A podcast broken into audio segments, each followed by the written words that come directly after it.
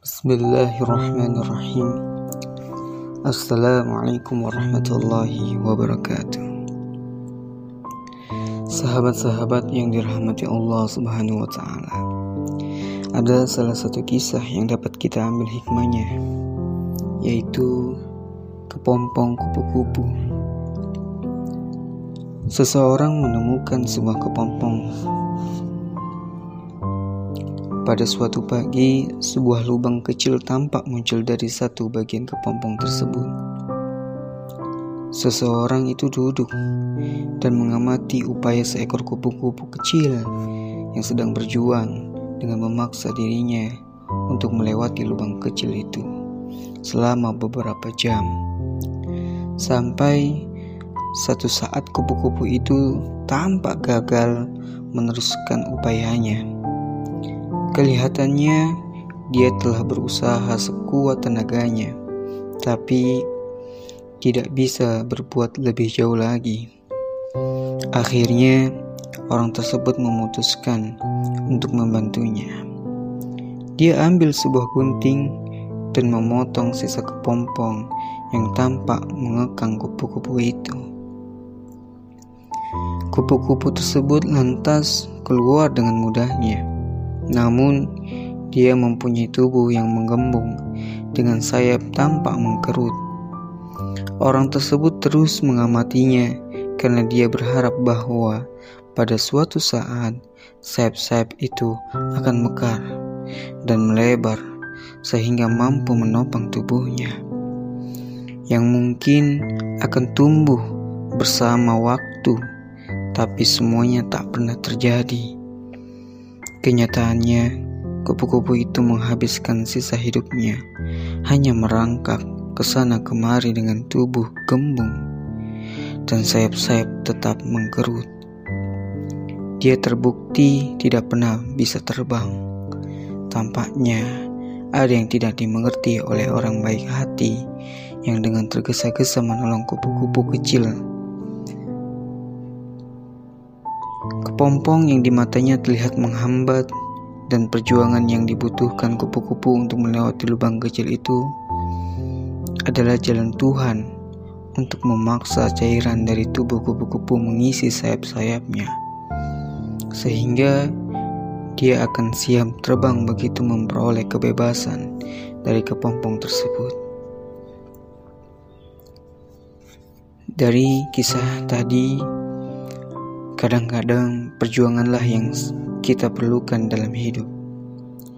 Jika Tuhan membiarkan kita hidup tanpa hambatan, itu mungkin melumpuhkan kita. Kita menjadi tidak sekuat yang semestinya. Kita mampu. Kita mungkin tidak pernah dapat terbang. Itulah kisah kupu-kupu dengan kepompongnya dengan orang baik hati.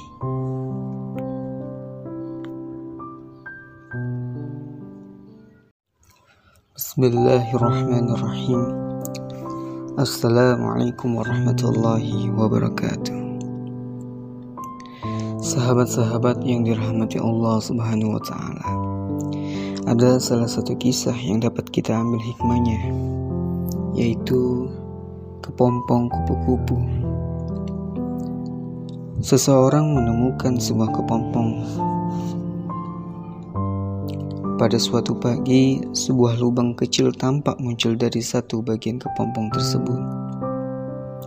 Seseorang itu duduk dan mengamati upaya seekor kupu-kupu kecil yang sedang berjuang dengan memaksa dirinya untuk melewati lubang kecil itu selama beberapa jam. Sampai satu saat kupu-kupu itu tampak gagal meneruskan upayanya.